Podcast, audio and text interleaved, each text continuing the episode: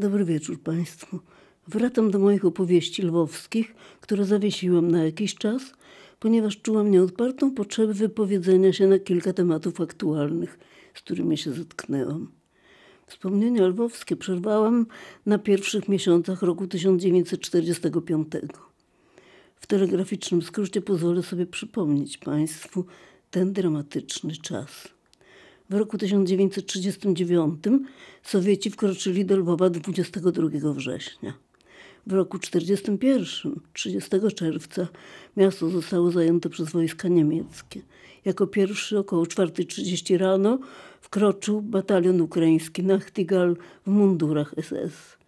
Okupacja niemiecka trwała do 22 lipca roku 1944 data manifestu lipcowego, wieloletnie święto w PRL-u. 21 lipca w Lwowie i okolicy rozpoczęła się akcja Burza, ale 26 weszli Sowieci i już niestety pozostali. Rok 1944.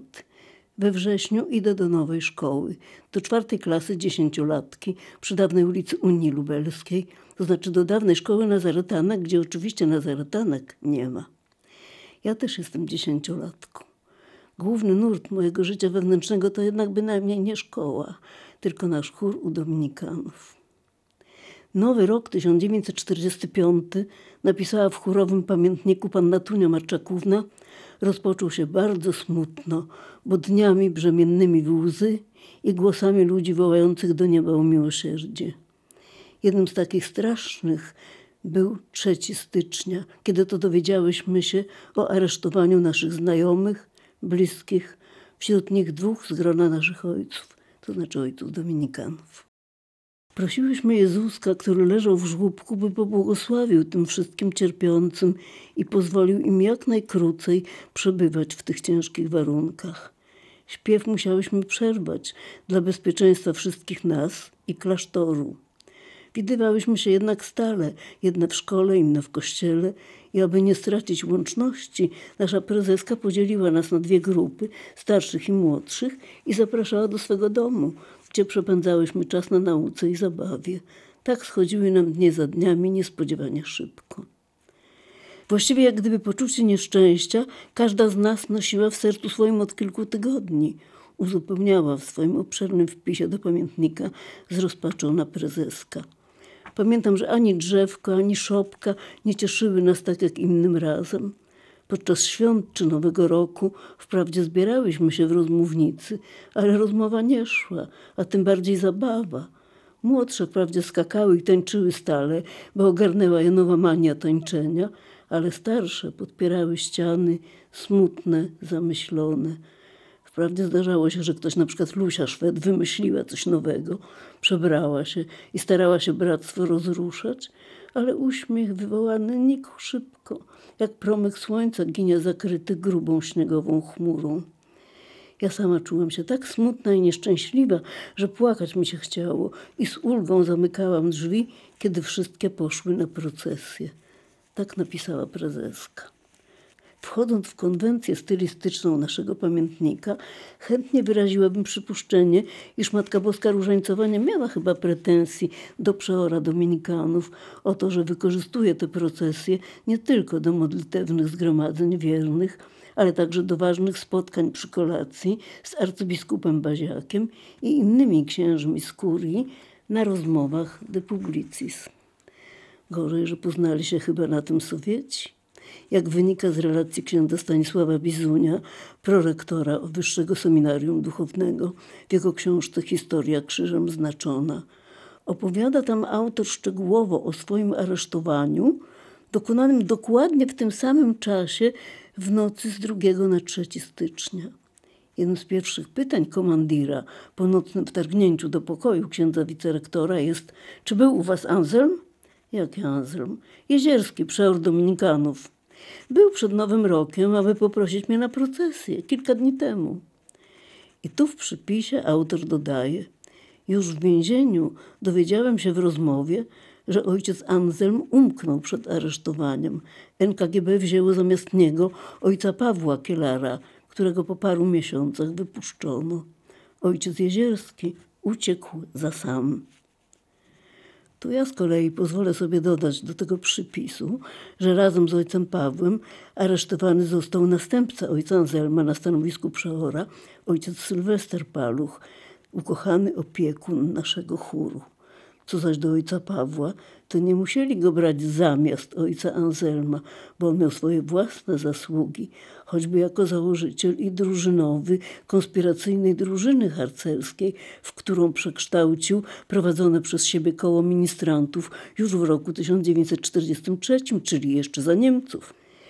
Dokonał tego przy pomocy bardzo znaczącej postaci z kręgów lwowskiej harcerskiej konspiracji – zaprzyjaźnionego harcmistrza Zygmunta Kleszczyńskiego, pseudonim Stanisław, na którego ręce nowo przyjęci harcerze składali swoje uroczyste przyrzeczenia.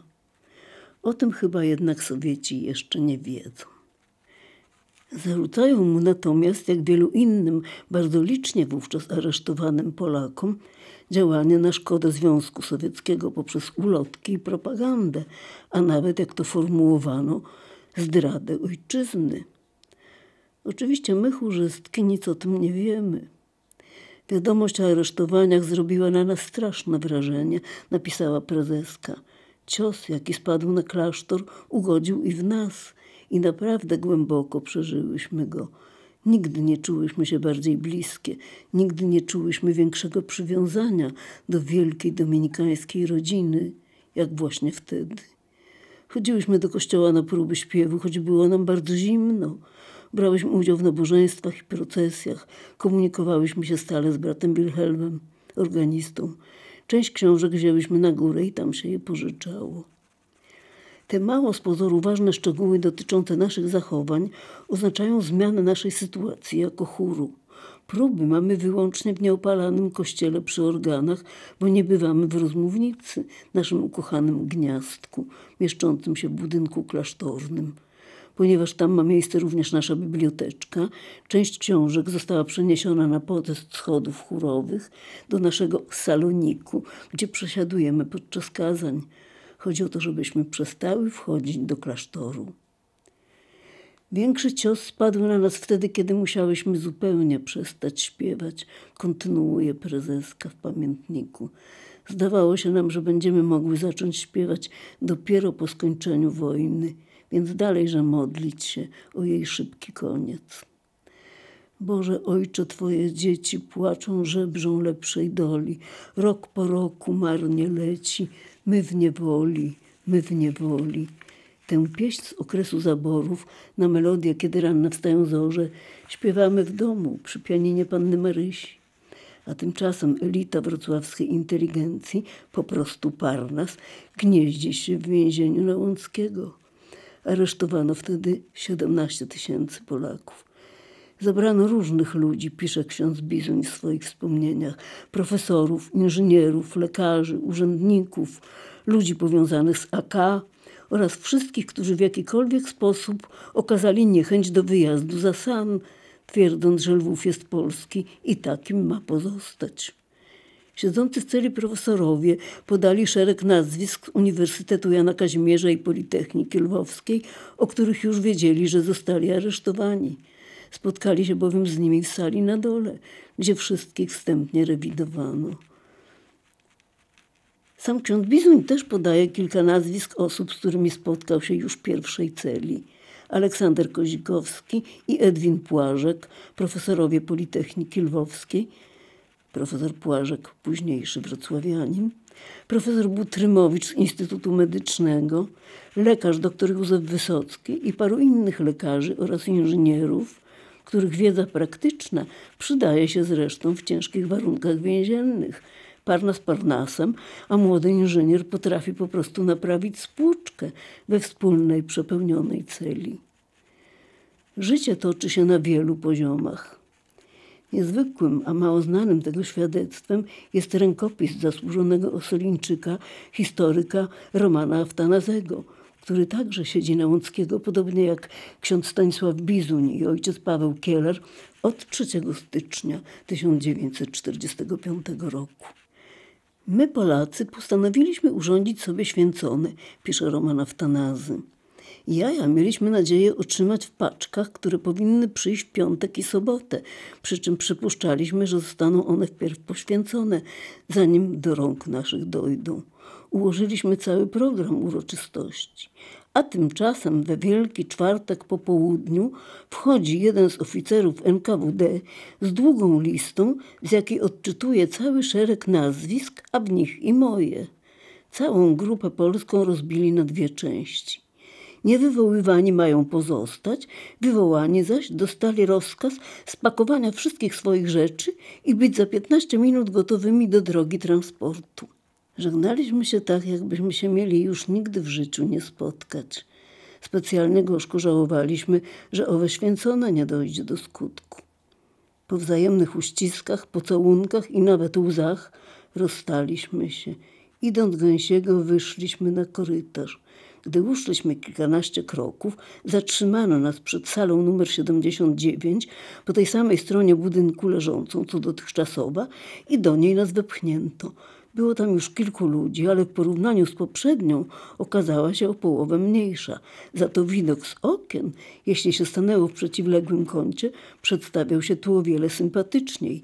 Nie stała naprzeciw żadna kamienica, lecz można było paść oko błękitem nieskończonym, wlewającym się szeroko do wnętrza przez pozbawione ram okna.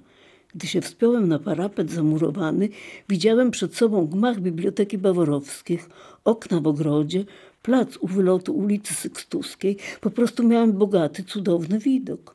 Z dotychczasowych mieszkańców mojej nowej celi trzej byli ukraińskimi chłopami, jeden inżynierem, także Ukrainiec i dwóch Polaków.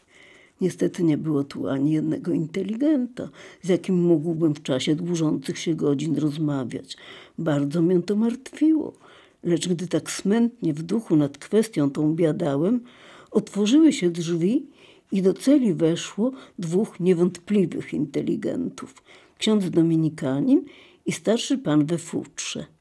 Ucieszyłem się ich widokiem i po wzajemnym przedstawieniu się i ogólnych informacjach zabraliśmy się do zajmowania miejsc.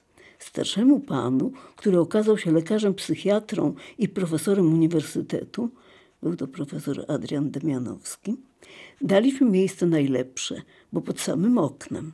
Obok umieścił się młody duchowny ojciec Paweł, z którym nawiązałem w więzieniu najlepszą do dziś dnia trwającą przyjaźń. Następne zaś miejsce dostało się mnie. Inni Polacy rozmieścili się z drugiej strony profesora, a w ten sposób utworzyliśmy polską kolonię. Wśród nowego otoczenia czas potoczył się niejako na wzajemnym, bliższym poznawaniu się. Koniec cytatu. I tam prawdopodobnie podczas wspólnych rozmów zrodził się pomysł przewiezienia w bagażach dominikańskich na zachód w razie potrzeby niektórych znajdujących się w Ossolineum polskich dóbr kulturalnych, jak na przykład starodruki i rękopisy, które już spakowane w skrzynie spoczywały w piwnicach klasztoru dominikanów. Pisze o tym profesor Uniwersytetu Wrocławskiego Maciej Matwijów w swoich dwóch książkach Zakład Narodowy imienia Osolińskich w latach 1939-1946 i drugiej zatytułowanej Mieczysław Gębarowicz, uczony i opiekun narodowych dóbr kultury. Wśród takich ludzi miałam szczęście w nieszczęściu rosnąć. Dlatego, kiedy czasem wracam do Lwowa, to nie po to, żeby wspominać studnię, przy której towarzyszyłam babci w kupowaniu śmietany, ale żeby dotknąć gleby, z której wyrastają moje korzenie.